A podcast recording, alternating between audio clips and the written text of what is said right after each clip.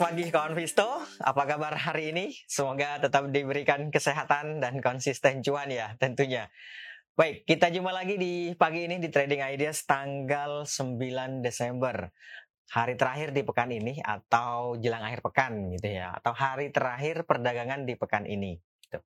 Seperti biasa, sebelum kita membahas ide-ide trading, ada baiknya kita review dulu pergerakan IHSG di perdagangan kemarin. Ya, di bulan kemarin indeksnya kembali ditutup melemah, yaitu berada di level 6804.2. Kalau ya di bulletin ya 6804 tetap sih. 6804 kalau secara poin pelemahannya adalah sebanyak 14,5 poin.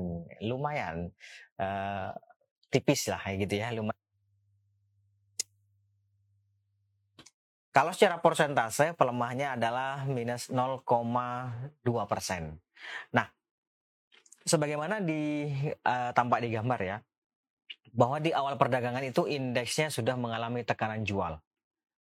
Tajam atau dalam sekali tekanan jualnya bahkan ya bisa di, di kalau tidak salah sekitar satu persenan sih 0,8 persen sampai satu persen gitu loh. 0,8 sampai satu persenan gitu ya Nah, itu bertahan sampai dengan uh, paruh pertama atau ya di pertengahan sesi pertama. Nah, gitu yang benar. Di pertengahan sesi pertama. Setelah pertengahan sesi pertama kedua, paruh kedua sesi pertama itu ya. Paruh kedua sesi pertama indeksnya dorongan yang mencoba untuk menghambat laju pelemahan tadi. Dan di dan uh, dorongan beli ini relatif lebih mendominasi dibandingkan dengan tekanan jualnya di sesi pertama. Walaupun ya tentu saja karena memang di awalnya dibuka uh, meskipun melemah tapi cukup tinggi dan dan apa uh, closing sesi pertama itu tidak setinggi atau belum mampu melampaui pembukaannya maka ya bisa dibilang sideways cenderung melemah seperti itu. Cuma kalau melihat dari dorongan belinya ya sebenarnya relatif imbang, relatif imbang tetapi lebih didominasi oleh dorongan beli, sedikit didominasi oleh dorongan belinya. Kenapa? Ya karena karena taunya dari mana? karena dorongan beli dari jam 10 ya kurang lebih jam 10 lah ya sampai closing market itu kan lebih panjang dibandingkan dengan opening sampai jam 10 itu kayak gitulah kurang lebih kira-kira. Nah, itu di sesi pertama. Di sesi kedua kembali tampaknya dorongan belinya mencoba untuk mendominasi. Hanya saja ya kemudian uh, bergerak sideways di jelang-jelang akhir uh, perdagangan. Jadi di kurang lebih ya jam 2-an lah gitu ya atau paruh kedua sesi kedua itu sebenarnya sudah relatif sideways. At, uh, apa baik dorongan beli maupun tekanan jualnya itu sudah relatif imbang. Tapi secara keseluruhan di sesi kedua ini ya bisa dibilang kembali didominasi oleh dorongan beli atau cenderung menguat sedikit berbeda dengan yang sesi pertama tadi gitu ya. Nah, secara keseluruhan uh, indeks bisa dibilang di perdagangan kemarin kalau kecenderungannya itu cenderung menguat ya kan karena openingnya juga bahkan di bawah uh, apa tertinggi kemarin gitu kan tertingginya kan uh, ya kurang lebih di level-level 6.800-an inilah. Openingnya kan di bawah ya, di 67 berapa gitu. Jadi bisa dibilang sebenarnya meskipun kemarin selalu, uh, sepanjang perdagangan bergerak di teritori negatif, tetapi dorongan belinya lebih mendominasi atau bisa dibilang ya cenderung menguat tadi itu. Gitu ya. Itu untuk uh, eh, ISG-nya. Nah, dari karena bagaimanapun indeks kemarin tetap berada di teritori negatif atau berada atau ya melemah gitu ya. Nah, dari pelemahan yang terjadi itu sebenarnya saham-saham apa saja sih yang membawa indeks itu tetap gerak? Ya, lima besar saham yang membawa indeks gerak melemah. Yang pertama ada Mandiri atau BMRI, kemudian disusul oleh Goto. Goto kembali mengalami uh, air. Kemudian disusul oleh Bia lalu ada AMRT dan terakhir ada AD. Itu dia saham yang banyak yang bergerak melemah. Sebaliknya, lima besar saham yang mencoba untuk menghambat laju pelemahan indeks yaitu yang pertama ada Bank Rakyat Indonesia atau BBRI atau BRI gitu ya. Kemudian disusul oleh Telkom. Telkom kemarin juga mencoba untuk bertahan atau menghambat laju pelemahan indeks dengan bergerak menguat 1,6 persen. Lalu disusul oleh MDKA, kemudian ada KA dan terakhir ada uh, eh, BCA. Itu ya. Itu yang mencoba menghambat penguatan uh, sorry laju pelemahan indeks. Bagaimana dengan transaksi asing? Ya, asing sendiri di perdaan kemarin sebenarnya masih mencatatkan net sell, yaitu net sell-nya sebanyak secara keseluruhan 2 triliun. Banyak banget sih. Secara keseluruhan ya.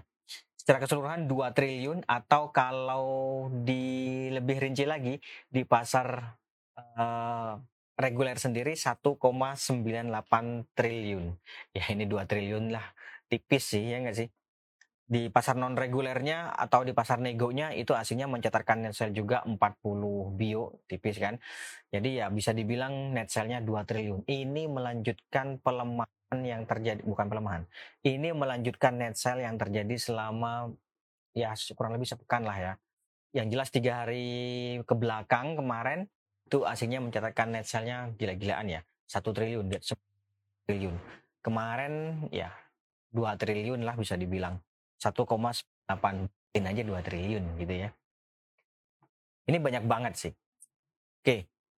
Dari net sale asing kemarin itu, saham-saham apa saja yang paling banyak dijual oleh asing?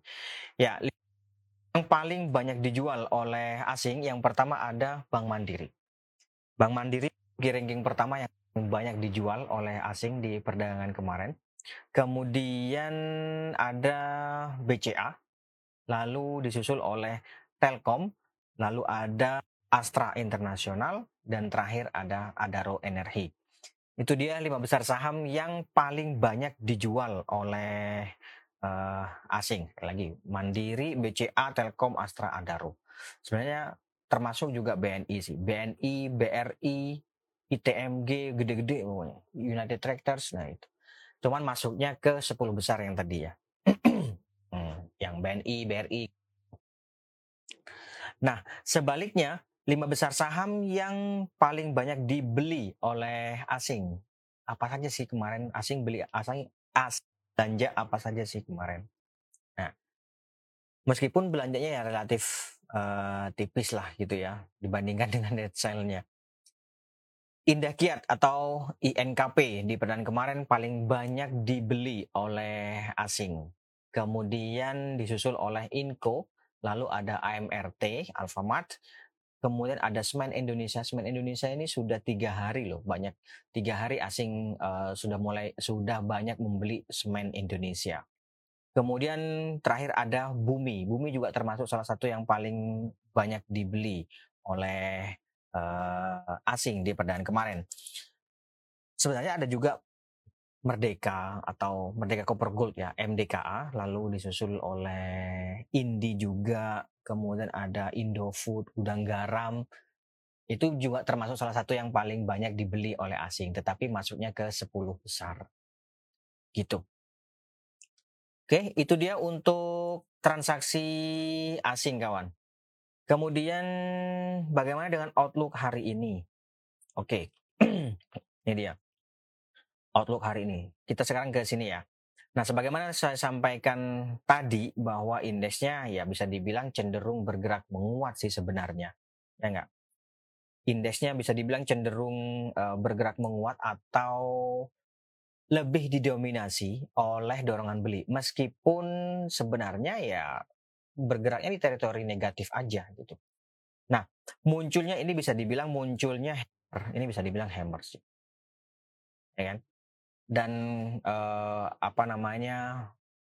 Uh, harapan saya harapan saya kemarin ya kan yang dia udahlah bergerak dulu aja deh sampai ke 6740 kebetulan terkabul bagaimana hari ini munculnya do, bukan muncul Joji, munculnya hammer ini, ini saya pikir memberikan peluang untuk bergerak rebound, ya kan? Artinya apa?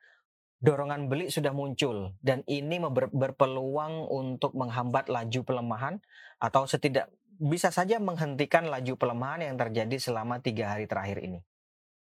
Itu ya. Bergeraknya ke mana? Ada peluang sih ke sini nih. Bentar, 68 di sini kawan. Berapa ini? 6870. 6865 lah ya. 6865. Kalau kita lihat juga di sini ada uh, bullish crossover juga di stokasinya. Jadi hari ini sih diperkirakan akan kembali bergerak fluktuatif. Bisa saja di awal-awal dibuka melemah gitu ya. Tapi seperti kemarin lah, seiring dan berjalannya waktu, pelemahannya semakin menipis, semakin menipis, semakin menipis, nah gitu. Bahkan tidak menutup kemungkinan untuk masuk ke teritori positif. Gitu ya. Ring pergerakan ada di 6780 sampai dengan 6865. Jadi diperkirakan hari ini akan kembali bergerak fluktuatif cenderungnya menguat terbatas.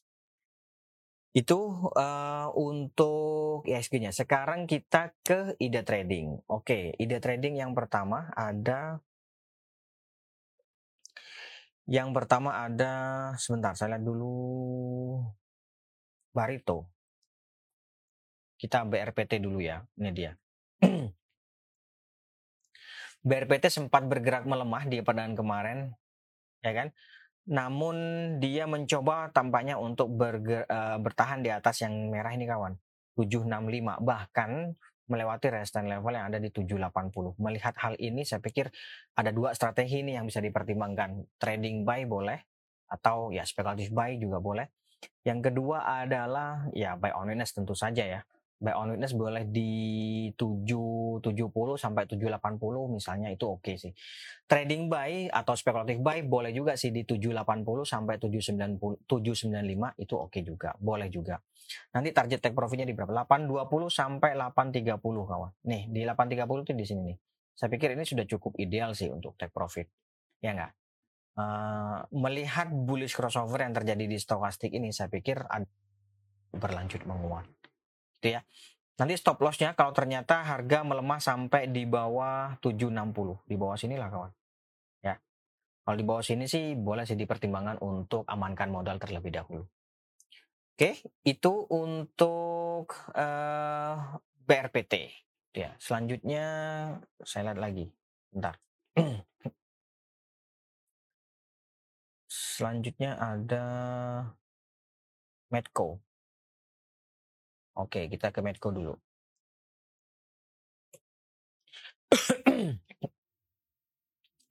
Ini dia Medco. Medco kemarin ditutup menguat tipis hanya satu poin. Memang sempat bergerak melemah, sempat uh, bergerak 10, supportnya sih 1040.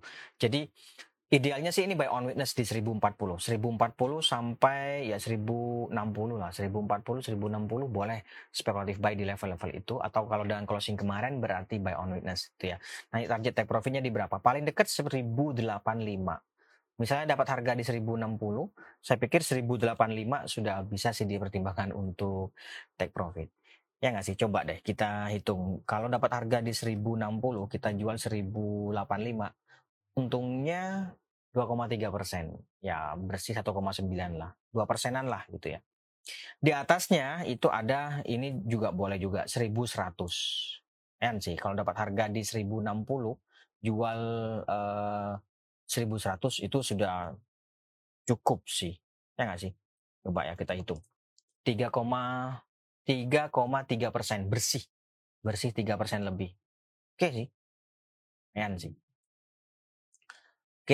itu untuk Medco. Yang jelas gini, resistance levelnya itu ada paling dekat 1085, di atasnya ada 1100.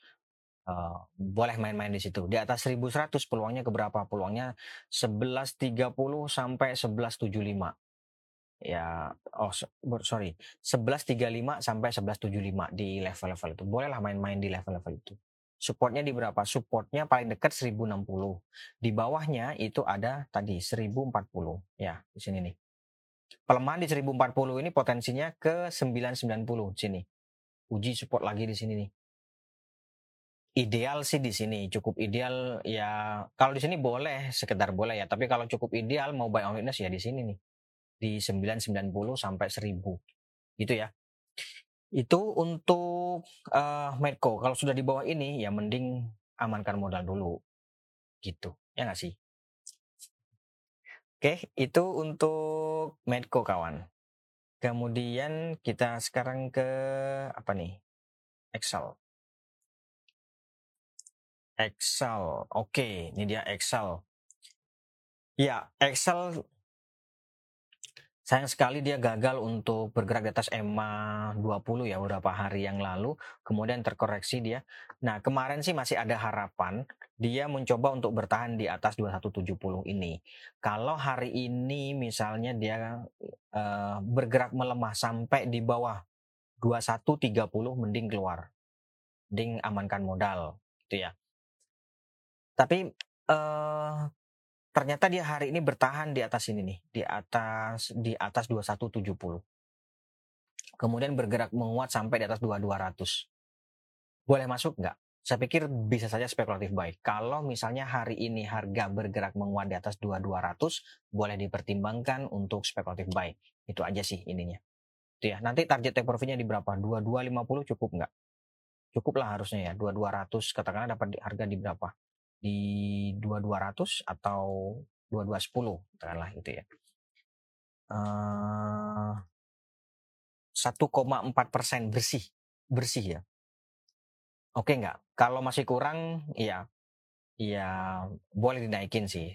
Yang jelas resistance levelnya, kalau dengan closing kemarin, resistance level terdekat itu ada di 2200 ya di atas uh, di atasnya kemudian ada 2250 gitu kawan. Oke. Supportnya di berapa? Supportnya ada di 2130. Makanya kalau hari ini ternyata dia gagal bertahan di atas 2170, bergerak sampai di bawah 2130, mending keluar terlebih dahulu bagi yang sudah punya. Itu ya.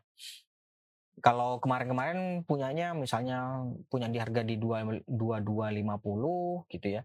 Harusnya eh, kalau mau lebih lincah ya tentunya di bawah dua berapa 2220 keluar terlebih dahulu. Ya, tapi itu kan kemarin gitu ya. Yang jelas hari ini kalau misalnya hari ini dia bergerak menguat di atas 2200 ada dua pilihan sih. Di atas 2200 boleh saja buy on breakout di atas itu, gitu ya. Atau kalau mau lebih confirm lagi ya di atas 22 berapa? 2300 sih. Cuman kalau mau main pendek ya itu tadi. Gitu ya. Oke, itu untuk Excel kawan. Mudah-mudahan bisa dipahami. Kemudian berikutnya ada Tekno. Tech. Oke, Tech kemarin juga mampu YouTube menguat ya banyak sih uh, apa namanya volumenya juga oke okay sih ya nggak volumenya juga oke okay lah gitu lumayan lah nah terus dibandingkan dengan uh, pokoknya secara rata-rata oke okay lah di atas rata-rata lah gitu volumenya sebenarnya dia bergerak sideways aja sih. Ya nggak? Nih. Cuman menariknya dia mencoba untuk bertahan di atas EMA 20. Itu saja. Jadi eh, barangkali sudah punya, ya ini boleh saja di hold. Nanti TP-nya boleh dipertimbangkan di 4.300-an. Cukup sih harusnya, ya nggak sih? Lebih lah, lebih dari cukup ya. Kalau belum punya gimana? Belum punya bisa saja spekulatif buy boleh di sini. 3980. Kalau dengan closing kemarin ya buy on witness sih jatuhnya. Ya enggak sih? Buy on witness 3800 sampai 3890. Ya, di level-level itu. Stop lossnya di bawah 3700. Gitu kawan. Oke, itu untuk tech. Kemudian kita lanjut. Ada BBHI. BBHI. Oke, ini dia BBHI. Ya. Uh, eh, BBHI. Kembali ditutup melemah. Uh, sebentar, sebentar. Kemarin jadi gini. Sebenarnya sehari sebelumnya dia kan sudah mengalami keraguan nih untuk bergerak melemah, benar nggak? Muncul doji star, ya kan? Nah kemarin ternyata dia kembali bergerak melemah nih pelemahannya cukup ya cukup dalam sih 8 poin atau 40 rupiah karena sudah di bawah 2000 jadi uh, poinnya satu poin lima rupiah gitu ya. Nah Idealnya seperti apa? Sekali lagi, kalau mau buy low sell high atau mau ideal, ya tunggu di demand zone. Demand zone-nya di mana nih? Di level-level sini kawan. Ini 1595 sampai berapa ini? 1700. 1700 ke bawah lah. Itu kalau demand zone, kalau mau cukup ideal. Tetapi misalnya hari ini dia bergerak menguat sampai di atas 1910 ya nggak ada salahnya sih ikutan spekulatif buy spekulatif buy ya atau trading buy targetnya nggak usah jauh-jauh nggak usah terus ngarepin ke 2300 nggak ya ke 1950 aja dulu gitu. Terus di atasnya ada level psikologis 2000 ya gitu-gitu kawan. Oke, tapi yang jelas kalau mau ideal ya tunggu di dimension di level-level sini. Cuman kalau misalnya uh, harga bergerak menguat sampai setidaknya di atas 1880 deh ya. Setidaknya di atas 8 1880 itu boleh. Kalau nanti mampu menguat di atas 1950 saya sih uh, buy aja gitu ya nanti targetnya level psikologis 2000 di atas 2000 uh, eh, naik lagi 2050 gitu-gitu nih 2050 di sini ya gitu. Memang secara teori kalau dia bergerak menguat di atas 1880 ini atau 1895 lah gitu ya. Peluangnya kan sampai ke 2200 ini atau 2160. Ke sini kawan peluangnya secara teori. Tapi menurut saya kenapa eh, apa namanya? Karena trennya masih cukup apa? Tekanannya cukup tidak menentu. Jadi ada baiknya cuman bungkus dulu nanti naik ikutan lagi kayak gitu-gitu ya oke itu untuk BBHI kita lanjut BRMS BRMS oke BRMS ini dia kemarin dia uji sempat uji support yang ada di sini. Idealnya sih buy on witness 169 sampai 172 lah ya. 172 boleh. Buy on witness di level-level itu. Buy on witness di situ boleh. Uh, nanti targetnya di berapa? Kalau dapat harga di 17 berapa? Katakanlah 172 atau 170 ya kalau dapat harga 170 saya pikir 174 aja udah untung sih ya enggak masalahnya cuma cukup atau enggak itu aja itu ya itu untuk BRMS. Kemudian kita lanjut. Ada lagi buka.